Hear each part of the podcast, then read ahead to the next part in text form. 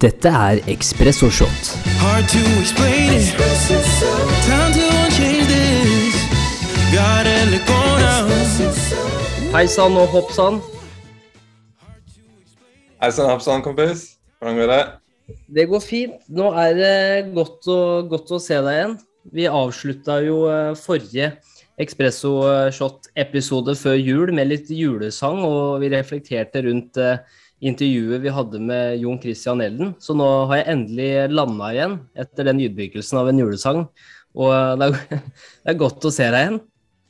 Godt å se deg igjen eh, også.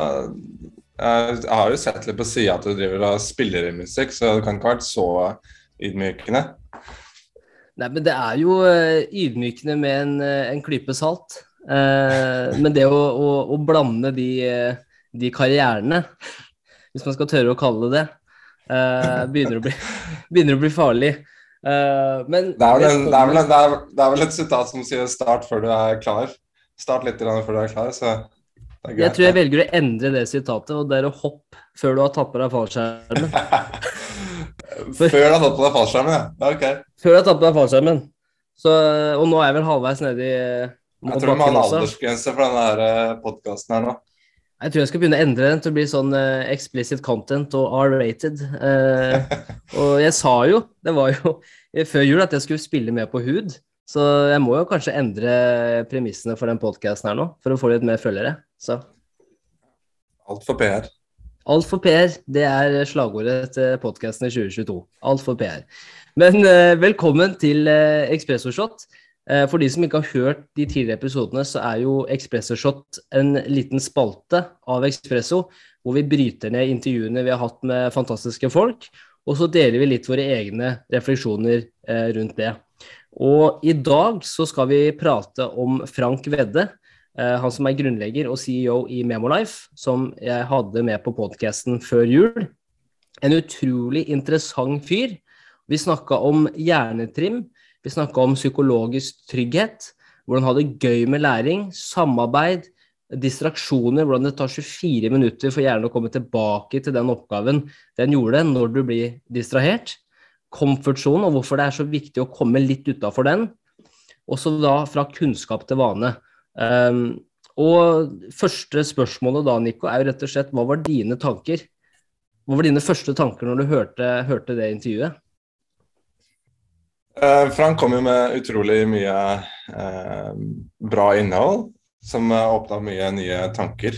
Eh, en av de tingene som sto mest ut for meg, var psykologisk trygghet. som Jeg har hørt om det før, men han snakket jo så vidt om det, og hvor viktig det er for å tørre å prøve å gjøre feil underveis. Eh, vi snakker jo ofte om hvor, hvor viktig det er å tørre å gjøre feil, men det er lett å si det, og så er det litt vanskelig å kanskje skape et miljø hvor du kan faktisk gjøre det. Eh, Men jeg tror Frank eh, traff spikeren på huet der med, med psykologisk trygghet. At du må skape et miljø rundt deg hvor du kan være trygg nok til å gjøre det. Det synes jeg var veldig interessant. Han snakket litt om janteloven. Um, og hvordan vi nordmenn rundt om i verden, siden, han har bodd overalt i verden, um, fortsatt bærer litt på den um, og er litt påvirket av den. Men at det er blitt bedre enn hvordan det har vært før. Um, og så var det kult å høre litt hvordan familien hans og faren hans har jobba med Elvis og Putin i kickboksing og martial arts. Og det var liksom uh, Det var fullt kjør. Uh, og hvordan hans oppvekst har vært. da. Han har absolutt Ja. levd et liv. Absolutt Veldig interessant liv. liv. Ja. Og det er jo, han, han kom jo også tilbake Han hadde jo jobba ti år uh, i Singapore også, og det er jo i hvert fall store kontraster til Norge. Um, og så begynte han å snakke litt om sant, kulturforskjeller også mellom da, ikke sant, Singapore og, og Tyskland. Ikke? Hvis du går rett på sak i, i Tyskland, så er det på en måte normal etikette.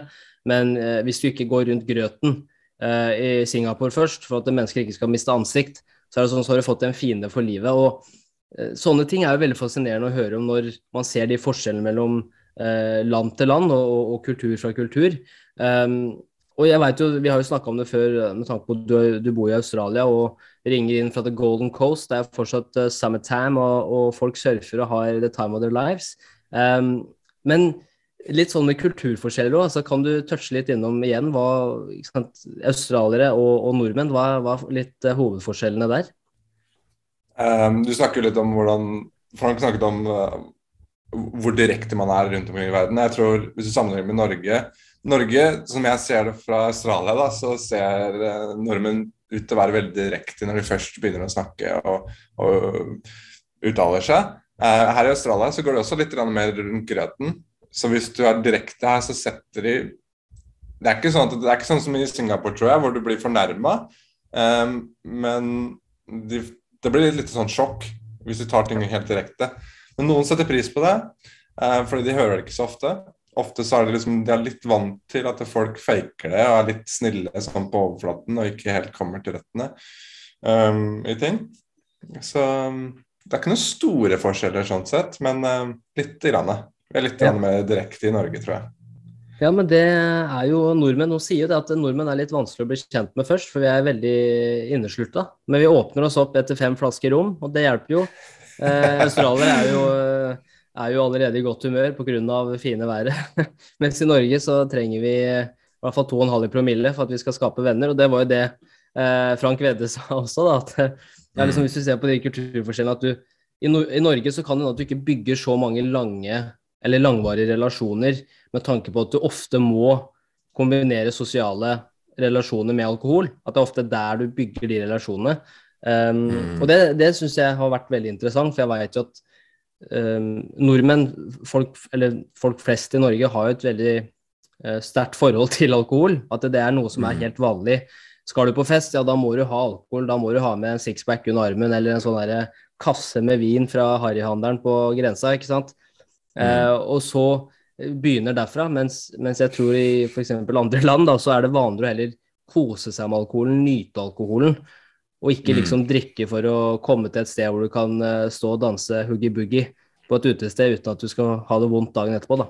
Eller det får ja, du kanskje, da. Og det er, de, det er de ganske gode på her i Australia, faktisk. Ja. Kose seg med øl. Eh, det gjør de hele tida. Mm. Øl og barbecue er liksom det store.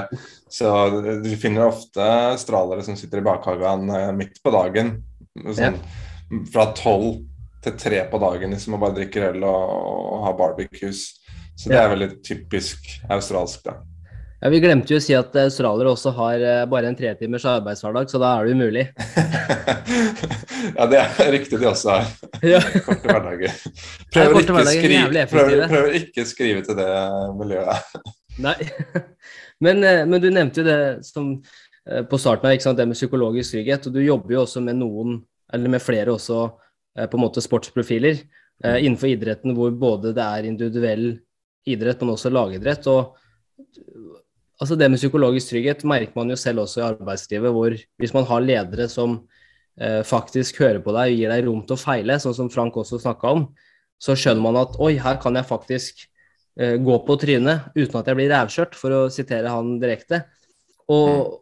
Så, men hvordan er det, altså, hvis du ser på det fra en idrettsverden? Du har jo vært i idretten i mange år også. Um, så hvordan ser du nettopp det med psykologisk trygghet, og, og, og da forbindet med idrett? Jeg synes Når jeg hørte på denne podkasten, så vekka det faktisk opp litt nye tanker eh, som ikke jeg har tenkt på før. Um, og Psykologisk trygghet i sport er kjempeviktig. At du føler at uh, altså Jeg kan gi et eksempel fra min erfaring. da når jeg spilte i uh, lokalklubben min i Åsgårdstrand i Vestfold. Um, spilte jeg der til, til jeg var 14-15 år, um, og hadde beste tiden um, i min lille fotballkarriere.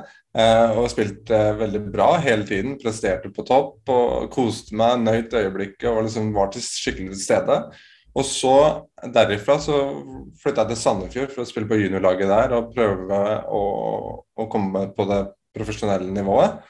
Og da begynte ting å, å gå fra hverandre. Jeg klarte ikke å prestere lenger, og jeg visste, skjønte ikke helt hvorfor. Um, og Vi sleit litt, var litt frustrert og fikk liksom ikke helt ting til å rulle. Når jeg reflekterer tilbake på det nå, så handlet det faktisk mye om psykologisk trygghet. At jeg følte at det var for mye endringer, for eh, stort steg, og jeg hadde for stort ego til å, liksom, være avslappet og, og, og være til stede. For når du ikke er til stede, så klarer du ikke å prestere. Så jeg tenkte jo bare på det store målet. Så um, Det er liksom det basice. Uh, og hvordan skaper man psykologisk trygghet? Det er jo et interessant spørsmål. Um, jeg tror det første steget handler mye om å komme over seg selv. og ikke ta seg selv, som vi snakket om mye i den podkasten her før, ikke ta seg selv så, så høytidelig. Eh, så fort du tar deg selv veldig sånn formelt, så, så øker også stress- og nervøsitetsnivået, som ikke du ville følt hvis du klarte å være litt mer avslappet. Så jeg tror kanskje i, min, i mitt hode så, så, er det kanskje en av hovedgrunnene. Ja. Det er jo hva, hva tenker du?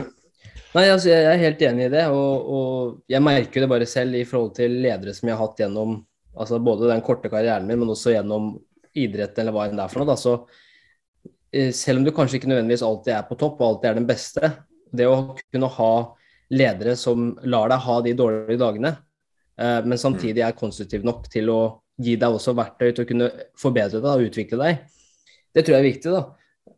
En annen ting, eller to ting som jeg tenkte på også etter Jeg fikk på en måte eh, reflektert litt etter det intervjuet, var også at hva er det på en måte en leder eller en, la oss si en, en, som har personalansvar, eller som har ansvar for en, en gjeng mennesker, uh, hva er det den personen må bringe til bordet, og hva er det da de som blir ledet da, av en person, hva er det de må bringe til bordet?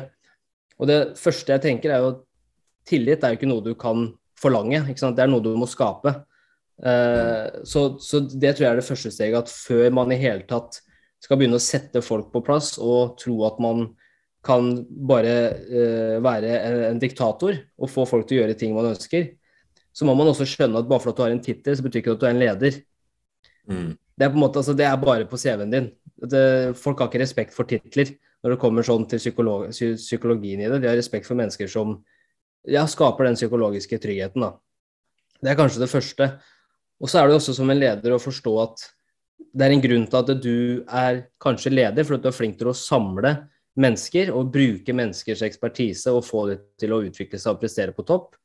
Men det er ikke nødvendigvis du som har alle svarene selv.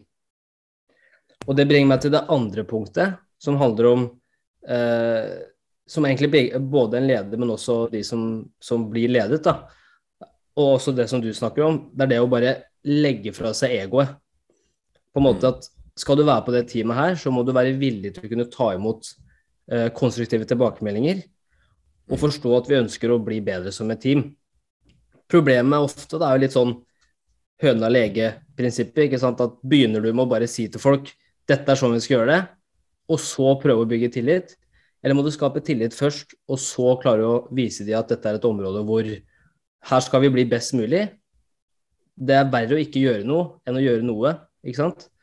Mm. Så det var litt mine tanker rundt det. for jeg bare når jeg begynner å se på mine egne ledere som jeg har hatt, altså, så ser jeg at noen av de er utrolig dyktige til å gi deg den tryggheten, men samtidig stille veldig høye krav, sånn at du må prestere.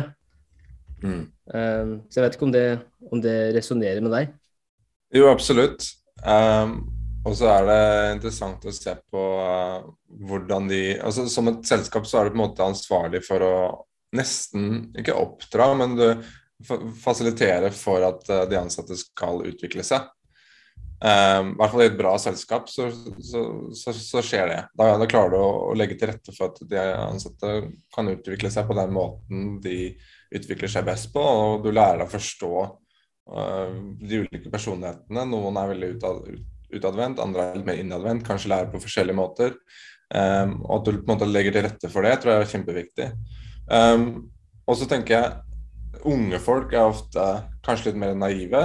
Tenker, har ikke så mye erfaring, ikke sant? så de kommer ut litt, kanskje litt mer eh, med litt høyere mot og litt høyere selvtillit og litt høyere fall, fallhøyde. Eh, og tar kanskje noen sånn nybegynnerfeil ikke sant? Som, er, som, man gjør når man er ung. Eh, og da er det litt vanskelig, for det egoet kommer litt sånn i veien når du er ung, føler jeg ofte. Hvis du er ung og ambisiøs spesielt. Um, det er ikke alltid man innser tidlig da, at uh, hei, kanskje må bare tørre å drite meg ut. Kanskje jeg må bare tørre å, å gjøre feil. Kanskje jeg må bare forstå at jeg er ikke verdensmester. Uh, jeg har egentlig ikke starta ennå. Uh, det er ikke sånn at jeg kan starte i dag og så bli verdensmester i morgen. Så man må gå gjennom en prosess. Og tørre, og faktisk å tørre å gå gjennom prosessen tror jeg er kjempeviktig. Men hvem, hvordan skal du vite det da, som en ung ansatt? Um, da tenker jeg at da er det jo leder, Hvis du er en god leder, så, så, er det ditt ansvar å på en måte påpeke det. På en måte observere det, forstå det og ta tak i det. Ja. Tenker jeg. Ja, og Frank også snakka jo om det i forhold til at sant, den balansen mellom arv og miljø og oppvekst. Og jeg tror de 10 prosentene da, som han snakka om, som er da oppvekst, jeg tror de Mm. kan spille en veldig Det er veldig store 10 Viktige 10 da. Det er viktig 10 som vi sa.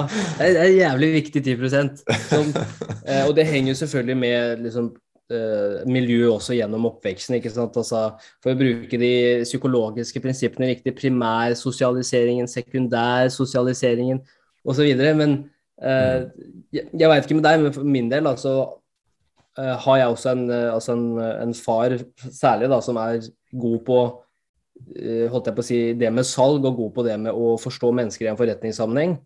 Um, og, og der lærte jeg også veldig mye i forhold til at, altså at 80% er ofte mer enn nok til å få et veldig bra resultat. Problemet er de perfeksjonistene som bruker også de resterende 20 på å prøve å få til et perfekt resultat. Men da er jo allerede den personen som klarer å jobbe effektivt, han er jo milevis foran de andre, ikke sant. Mm. For han er jo gjennomføringsdyktig. Um, og det snakka jo Frank om også i forhold til eh, sant, balanse mellom IQ og EQ, altså sosial intelligens og intellektualitet. Høy IQ, da. Og da spurte jeg han, for oss dumme folk da, som kanskje ikke har 150 IQ, hvordan kan vi kjøre hjernetrim? Og da sa han jo det, han, han selv også, i forhold til at det som ofte er problemet, at eh, de som er smarte, kan ofte bli for smarte. At de prøver å se for seg den perfekte oppskrift på hva som kommer til å skje, eller de klarer å forutse hva som skjer, da. Men da gjør det at de ikke gjør det eh, valgene de skal ta. Um, så det er liksom sånne ting for meg resonnerer veldig når vi også er i, i arbeidslivet, eller hvis vi skal ansette nye mennesker, eller hvis vi skal få nye lagkamerater. Så ser jeg veldig ofte på at ok, du har gjort det veldig bra på skolen, du har høy IQ, du har bra utdanning, men så kan man få veldig fort et inntrykk av hvordan de menneskene er som, altså, som personer, og hvordan det er å jobbe med dem.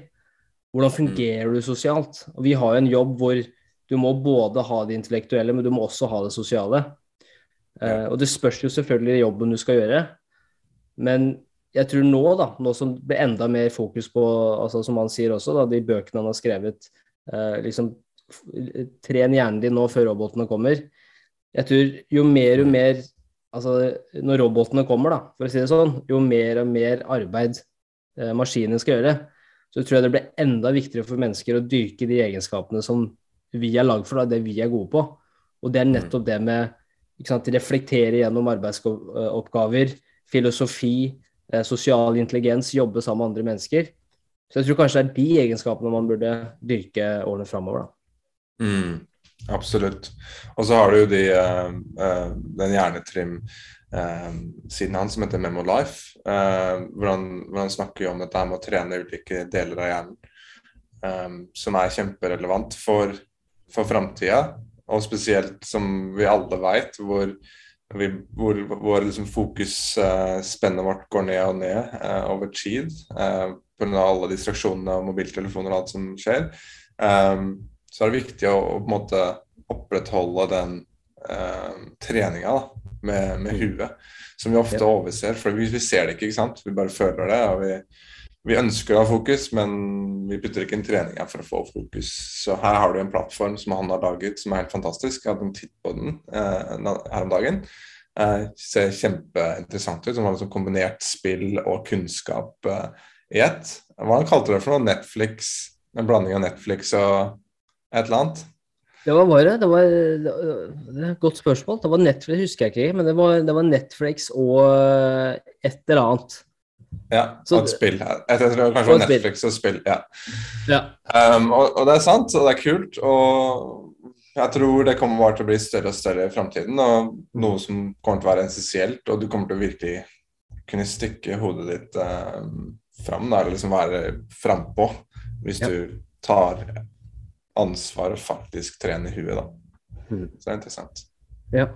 Det er jo altså bare Jeg vet ikke med deg, men også for min del, bare sånn i en, en løpet av en arbeidsdag og sånn, det å kunne sitte eh, over en lengre periode og på en måte være i sonen, være i flow, ikke sant, som han Mikael Karasjmakadaki, jeg husker aldri etternavnet hans, som han snakker om i, i Michael boka hans. Gervais? Nei. Nei, i, eh, i, i boka Flow. Å ja. Mihaly Csikszentmihalyi. Maja, Mihaly. Det var det, etternavnet sitter alltid. Men han snakker jo om Skjønner ikke hvorfor. Ja, men det er jo helt uh, Du vanskelig. må gjøre litt, du må gjøre litt mer hjernetrim. Henrik, Ja, jeg tror det er der det ligger. Uttalelsen min er Memolife, helt ute å kjøre. Yes, shout out. Så kan jeg endelig uttale Mahal Shalaham Salah, et eller annet. Men, eh, men det han, eh, han snakker jo sånn, ikke sant, for å komme i den flytsonen, så må det være den balansen, og det er også det Frank har gjort, da, den balansen mellom litt vanskeligere arbeidsoppgaver, men også følelsen av mestring. Og liksom helt til å ligge i det spekteret, jeg tror du nevnte sånn 10-15 utenfor comfort-sonen, eller hva det var for noe. 4 sa han, ja. ja. 4 ja. Som, som gjør at der sant? Akkurat der, der er du i flytsonen, da. Um, men jeg ser også gjennom en arbeidshverdag at uh, de dagene jeg klarer å sitte over en lengre periode og jobbe uten forstyrrelser Jeg tror det, ofte så er det også fordi at jeg har lagt til de forutsetningene for å kunne klare å gjøre det. altså Som han også nevnte, ikke sant? skru av alle forstyrrelser. Sette deg Mm. på et rom hvor du ikke blir forstyrra ha virkelig klare arbeidsoppgaver, virkelig vite hva du ønsker å oppnå gjennom den tiden hvor du sitter ned. Uh, og jeg tror det henger jo ofte sammen med i løpet av en arbeidshverdag òg, så tror jeg det er mange som kommer inn i dagen, men så er det ikke, de er ikke forberedt på hva de skal gjøre den dagen. Eh, de bruker tid på å på en måte tenke gjennom på morgenen, f.eks. Hva skal jeg gjøre i dag? Og, og bruke mye tid på det, sånn at du, du, du har ikke helt klar budskap på hva er det du ønsker å få til i løpet av en dag. Og jeg tror bare det, da, bare ha et veldig sånn spesifikt eh, sluttmål, ikke nødvendigvis gjennom livet, men bare i løpet av en dag, kan også gjøre at du får en mye bedre tilstedeværelse da, og, og fokus. Det er mye, mye å hente der. Og så snakker jo Frank om i podkasten Hvis du har den på plass, så er det viktig å ha det gøy med læringa, eller gøy i prosessen, som kanskje er liksom den andre eh, delen av det. da. Det er sånn, ok, hvis du, har, hvis du klarer å faktisk eliminere alle distraksjonene rundt deg, og du sitter i en fokus, og du kanskje kommer inn i flow, um, og så klarer å ha det gøy, og nyte faktisk den prosessen også, at man ikke bare sitter på kontoret og jobber ræva av seg eh, hele dagen, eh, men at man faktisk har det bra, da. For det er viktig, ikke sant? Mm. Og det snakket han om at eh, for å huske ting og faktisk lære, så må vi ha det gøy. Så det er jo derfor han har liksom kombinert det spillet med fakta. At han på en måte har forstått at hei, hvis vi kan ha det litt gøy samtidig, så lærer hjernen bedre, fordi vi har mer følelser og emosjoner som er i gang. Og hvis vi har mer følelser og emosjoner i gang, da, da klarer faktisk huet å huske bedre enn det ville hvis vi bare prøver å pugge et eller annet. Men tenk hvis vi hadde hatt det da, når vi vokste opp. Tenk hvis vi hadde hatt det gjennom eh, altså Barneskolen var det selvfølgelig mer av det, men liksom gjennom ungdomsskolen, videregående, høyere utdanning. altså Jeg husker det tilbake når jeg vokste opp også, hvor mange ganger man, man følte seg dum. Og følte seg at man ikke, altså man følte at det var noe feil med det, rett og slett. For at man ikke fikk til det man skulle. og Det er litt sånn som Einstein sa, ikke sant? hvis du får en gullfisk og prøver å klatre opp i et tre, så kommer den gullfisken til å føle seg dum hvis den skal sammenligne seg med en ape. Ikke sant? Og det er, litt, det er litt den der, da. Og så når han begynte å snakke om det, så bare tenkte jeg sånn, tenk å ha hatt noe sånt gjennom oppveksten som kunne gjort For at alle prøver jo å bli altså pressa inn i ett løp gjennom utdanninga. Og folk lærer jo forskjellig, folk er forskjellige, og man tar ikke hensyn til de individene da, i en gjeng.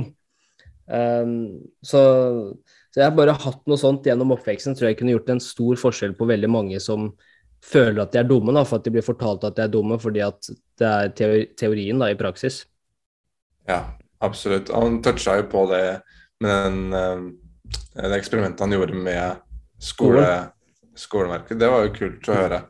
Ja. Hvordan, men hvordan de faktisk Altså Han tok jo, brukte alle teknikkene sine med disse elevene. og Jeg har ikke sett uh, de videoene. Er det på YouTube eller er det på Netflix? Du kan, finne det på, du kan finne det på YouTube, faktisk. Hvis du søker på Frank Pedde, så kan du se det innslaget fra NRK. Um, og det er ganske Det er to ting da som, som, slår, eller som står ut der. og Det første er liksom uh, Hvis du ser eh, smilet på de, de, de barna da, når de skjønner at Mm. 'jeg får det jo til'. ikke sant? Ja. Det blir fortalt at de er dumme, og så plutselig ser du at 'jeg får det jo til'. Og veldig ofte så er, handler jo, tror jeg, da, om at du kan ha barn som kanskje har et vanskeligere utgangspunkt, men som får en forsterket følelse av at eh, de er dumme fordi at eh, foreldre eller andre forteller dem at dette er ikke bra nok, eller du er ikke smart nok, eller du er ikke det ene og det andre. ikke sant? Um, det Ja, eller, at, du- eller, at du, er- eller at du presser opp til å starte på et nivå hvor du ikke er ennå. At du må Yes. tørre å liksom gå tilbake og starte på det nivået du faktisk er. Bra. Når jeg, når, jeg går, når, jeg går inn til, når jeg går inn til Memolife og så ser på den sida, så er det akkurat det som skjer. De tar meg gjennom en prosess, og så føler jeg at ah, okay, det gikk ikke helt så bra, og så, og så viser meg en teknikk, og så bruker jeg den teknikken for å huske Um, de ulike tingene i spillet, og så plutselig så husker jeg det, for da har jeg en måte, metode å gjøre det på, eh, som han viser. Og så er det liksom akkurat som at ting bare faller på plass. Men hvis jeg prøver å gå rett inn på det steget før jeg har gjort noe annet, så føler jeg meg dum, for at det, kanskje er noen andre som har kommet seg opp på det nivået rundt meg, som gjør det fint på det nivået, men jeg klarer ikke det. Så er det bare fordi jeg ikke har gått gjennom prosessen ennå. Det er ikke fordi jeg er dum, det er bare fordi jeg ikke har gått gjennom samme prosessen som det de har gjort. Veldig godt poeng. Veldig godt poeng. Og det der er jo selvfølgelig vanskelig når du er liten, for du har jo lyst til å være på samme nivå som vennegjengen din. Ikke sant? Du, du- og særlig sjalusi og sammenligning mellom andre. Det er jo, Vi alle vet at det hører en naturlig del av uh, en oppvekst. Men da å ha den samme tankegangen i voksenlivet, at du også rett og slett bare er radikalt ærlig med deg sjøl og transparent at ok, dette er mitt utgangspunkt. Men det betyr ikke at jeg skal være her for alltid. Men liksom, jeg, jeg, jeg syns det var et, eh, var et veldig, veldig bra poeng. Um, og det andre han sa òg, var jo Altså, folk liker jo ikke endring. Og det gjelder like mye som det gjør for utdanningsinstitusjoner, eh, selskaper, som det gjør for individer. Det er jo individer som er i de selskapene og de organisasjonene. Og han fortalte også at han fikk mye motstand fra eh, lærerne, og det var jo det samme som eh, Johan Brandt også, eh, i det intervjuet med Kahoot. Hvor mye motstand de fikk ikke sant, når de etablerte den spillplattformen for, for, eh, i klasserommet. da. Eh, Men for Frank sin del så var jo det også derfor de tok steget ut til å jobbe med næringslivet, hvor det må være konkurransefortrinn. Eh, mens de organisasjonene veldig ofte da, i offentlig sektor så tar det veldig lang tid. For at du har kanskje ikke samme insentiv da, for å faktisk gjennomføre de endringene som du ville hatt i et eh, privat selskap. da. Det er veldig overraskende, syns jeg. Så det, er, eller det, er ikke sånn, det er ikke overraskende fordi jeg ikke har hørt om det, men det er litt liksom det er akkurat som at ikke vil det beste for elevene. Det Høres nesten ut som. ikke sant? At man tenker sånn, Det er jo elevene som er i fokus her. Det handler ikke om ego til lærerne. Det handler ikke om hvor gode de er. Det handler om å gjøre det beste for elevene. Så at lærerne ikke er sultne og gira på å lære nye metoder og teknikker for å forbedre eh, hvordan elever lærer. Eh, og de resultatene han fikk med de elevene han gjorde det med, var jo helt eh, rått. Det er jo noe sånn som det der som faktisk hadde klart å endre hele skolesystemet. Hadde man klart å fått inn noe slikt i, ja, i systemet. Jeg, jeg er helt enig. ass. Jeg, og det ser jeg at det kommer til å være en eh, kommer til å være en lang kamp for å få endra det utdanningssystemet. Men du ser, jo, du ser jo flere og flere bedrifter, og særlig de største bedriftene som har også ressurser til det, begynner jo å bygge, eh, bygge egne eh, på en måte utdanningsinstitusjoner in-house. Altså de begynner å bygge egne universiteter som er en del av arbeidsplassen, hvor de ansatte får mer og mer tilgang til kurs ved siden av for at de ønsker å utdanne, men også fordi at de skjønner at skal de få tilgang på de beste hodene, så må de også tilrettelegge for å, å utvikle det internt. da. Eh, og også vise at de investerer i de ansatte. og altså um, Lojaliteten til ansatte i, i 2022, altså den er veldig lav. Du ser jo folk bytter jo jobber eh, oftere enn noen gang. Så jeg tror også det blir litt den der gi og ta, da. I forhold til at bedrifter må også tørre å kunne investere mer i de ansatte og, og, og gi dem den mestringsfølelsen, som også igjen henger sammen med uh, altså, den, altså den psykologiske tryggheten. Mm. Men også at ansatte også kan skjønne at ting skjer ikke på dag én. da. At du, du må også sant, ta, det, ta, den, uh, ta den læringskurven. Så i år så kommer vi til å ha mange eh, episoder hvor vi bryter ned de intervjuene framover. Og jeg ser at det her har blitt kjempe, kjempebra, fordi at det er veldig mange som hører på de episodene. Det er veldig mange som hører på at vi bryter ned intervjuene og deler våre egne erfaringer og, og perspektiver. Så det blir jo den balansen mellom å, å bryte ned de intervjuene, men også komme med ulike fokusområder innenfor psykologiens verden som vi begge er veldig opptatt av. kanskje vi også får inn eh, noen eksterne gjester som, også, som er fageksperter, som vi også kan ha diskusjoner og ha spørretime med. Så for å eh, konkludere med, med, det intervjuet med Frank, da, hva, er liksom, hva er det ene takeaway som du vil, vil ta med deg herfra?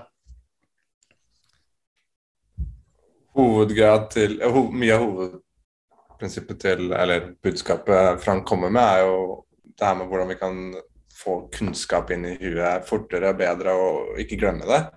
Men jeg tror noe han toucher på på slutten av episoden som er veldig viktig, er å ta den kunnskapen og faktisk omvende til virkeligheten. Bruke den og gjøre det til en vane. Amen. Amen. Der er jeg enig. Og etter å ha hørt intervjuet, er det noen ting du kommer til å gjøre annerledes i hverdagen, eller noe du kommer til å være mer bevisst over? For meg så handler det om psykologisk trygghet eh, for meg selv og, og, lage et miljø rundt meg hvor jeg kan føle at jeg, jeg har trygghet til å prøve å feile. Um, for jeg merker at det Når han sa det, så klikka det litt i hodet mitt. Og sånn, Oi, det er viktig. Ja. Så jeg skal eksperimentere litt med det, uh, merker jeg, de neste um, ukene, månedene. Og så kan vi ta og reflektere litt på det i en av de senere episodene. Se om det er noe framgang, eller om jeg har funnet ut av noe mer. Men uh, ja, hva med deg? Ja. Nei, det, det, er det samme, for det Altså, det er bare et så banalt enkelt eksempel, men enda så vanskelig, er at uh, er liksom, Den tingen jeg tar med meg fra det med psykologisk trygghet, er litt det der med Ofte, ofte ironien nå, da, med veldig mange ledere, er at for å få bra resultater, så tror de at ja, men jeg var veldig god på det området, jeg var en, veldig, jeg var en fagekspert, så da er jeg også best å uttale meg om hvordan man skal løse visse problemstillinger, jeg har alle svarene selv. Ikke sant? Men ironien ofte er jo at hvis du gir de ansatte frihet og rammer til å løse problemene, og de gir de den psykologiske tryggheten, så får du enda bedre resultater. Hvis du, hvis du velger å hylle dine ansatte, velger å hylle kollegaene dine, så er det også Det fører jo også til at du ser bra ut, ikke sant, som en leder. Så det er litt den ironien da, som jeg tenkte veldig mye over gjennom, gjennom det intervjuet. Uh, men så er det andre også, bare det med forstyrrelser. Uh, og hvor viktig det er å sette seg selv og gi seg selv rammer hvor man ikke blir forstyrra.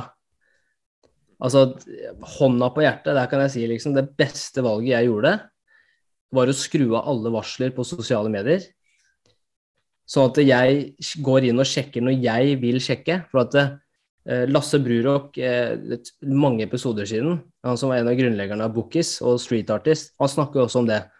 At når han bestemmer når han skal gå inn og sjekke, så gir det han rom for å ta flere valg i hverdagen og bli mer effektiv i hverdagen.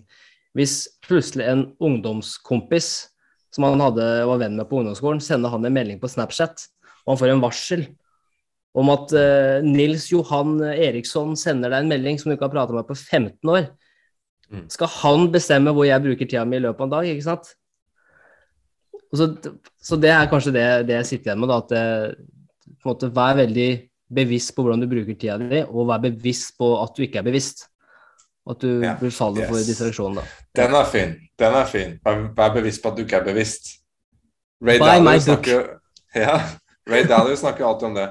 Mm. Han, han, snakker alltid om dette om at uh, etter at han gikk på en skikkelig smell, så begynte han å forstå at um, det er såpass mye Han tror, altså, Vi tror vi vet så mye, men det han begynte å forstå, var at uh, han veit egentlig ingenting. Um, og at det er egentlig viktigere å vite at du ikke ja. veit så mye. Man får ja, det perspektiv. Jo mer erfaren du blir, og jo mer du kan, jo mer skjønner du at du ikke kan.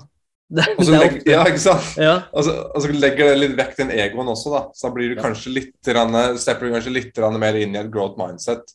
Yes. For da, da, er du litt ydmyk og tenker ok, nei, kanskje ikke jeg er Gud. Kanskje ikke jeg kan gå på vannet helt ennå. Mm. Den er fin. Men vi skal gå på vannet en vakker dag. det kan være målet, men Fy fader, nå fikk jeg, fikk jeg en idé til en ny låt her. Jeg kan ikke gå på vannet i dag, men det kommer en dag i morgen. Ja, det, ja, vil, du, vil, du, vil, du, avslutte denne episoden her med en sang også, eller? Nei, nå øh, Når du Det hørtes litt keen ut når du har bygd en, eh, en, eh, en, eh, i hvert fall noen lyttere da, på denne podkasten, så er det ikke vits å skremme dem bort uh, allerede nå. Så vi venter til i hvert fall episode 140 før jeg skal begynne å synge mer. Litt tidlig på året, kanskje. Litt tidlig på året. Vi får bjuda, bjuda mer på eh, senere i år. Takk for at du tok deg tid til å, til å være med i dag eh, fra Australia. Vi gleder oss til neste eh, Espresso-shot. Og neste Espresso-shot, da skal vi faktisk eh, bryte ned intervjuet med Johan Brandt. Nevnte litt eh, i episoden her. Eh, grunnlegger av Kahoot. Og da blir sikkert mye av de samme fokusområdene, men han snakker også om den følelsen av å ikke passe inn gjennom oppveksten. ikke sant? Da han fant uh, superkraften sin, uh, dysleksi, som 16-åring, og hva det har betydd for han seinere i livet. Og jeg tror uh, hans perspektiver, der er det mye, mye gull og, og, mye vi kan lære. Så gleder meg til det. Håper du får en fin kveld. Og så ses vi til neste Ekspressårshot. I like måte. Det gjør vi. Dette er Espresso Shot.